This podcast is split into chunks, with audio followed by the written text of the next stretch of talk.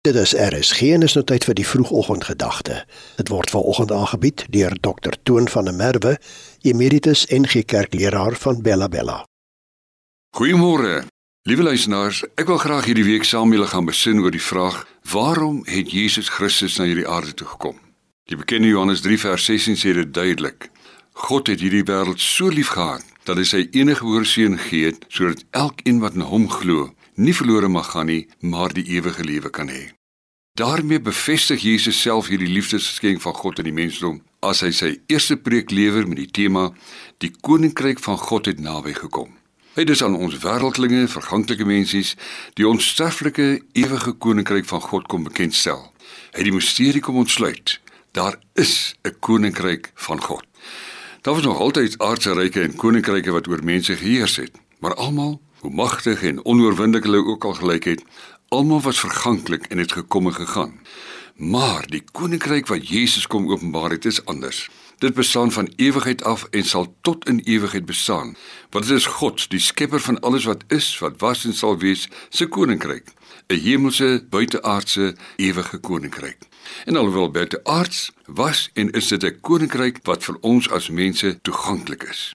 Die toegang daartoe is vir elkeen wat die ewige lewe soek, 'n geloofspad. Geloof in Jesus Christus, die koning bo alle konings, die heerser van die eindes van die aarde. Hy sê dan ook: Ek is die weg, die waarheid en die lewe. Niemand kom na die Vader behalwe deur my nie. Johannes 14 vers 6. Moet ons nou toegang tot die hemelse koninkryk verdien? Wat sou dit kos om ewiglik in die heerlike teenwoordigheid van God te verkeer? Dit sou duur op aarde en ons spook en spartel om vir ons woonplek te betaal. Hoeveel duurder moet dit nu wees om vir ewig 'n woning in die hemelse koninkryk te hê nie? Moet ons ook geestelik presteer om te kwalifiseer? Nee, sê Jesus. Aanvaar die gawe van die ewige lewe in die koninkryk van God soos 'n kind. Want diegene wat soos kindertjies die uitnodiging aanvaar, sal die koninkryk beerwe. In Matteus 19 vers 13 tot 15 kry ons 'n kosbare cameo waar Matteus vertel van die ouers wat hulle kindertjies na Jesus toe bring. 'n Wonderlike oomblik in sy bediening. Nie net kreuples en blindes en malaatses en duiwelbesetnes, mense in die diepste nood het na Jesus gekom vir redding en genesing nie, maar ouers wat hulle kindertjies na Jesus bring, dat hy sy hande op hulle mag lê en hulle sien. Pragtige toneel daar langs die meer van Galilea. Jesus wat sy arms om kindertjies sit en hulle aan sy bors druk en hulle sien. Maar dan gebeur daar iets heeltemal uitpas met die gebeure.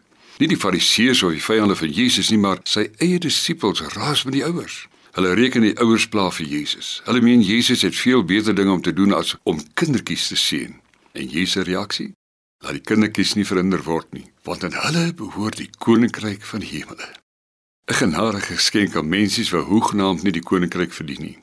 Ja, die koninkryk van God is gratis en verniet vir elkeen wat onbevange en onvooroordeeld glo in Jesus as sy verlosser en saligmaker.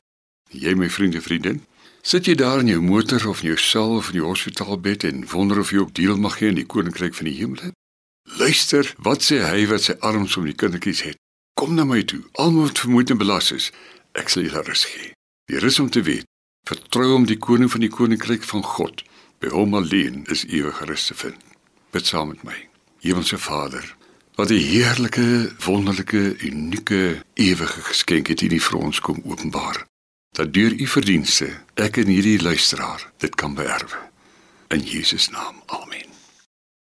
Die vroegoggendgedagte is vanoggend aangebied deur Dr Toon van der Merwe, emeritus NG Kerkleraar van Bella Bella.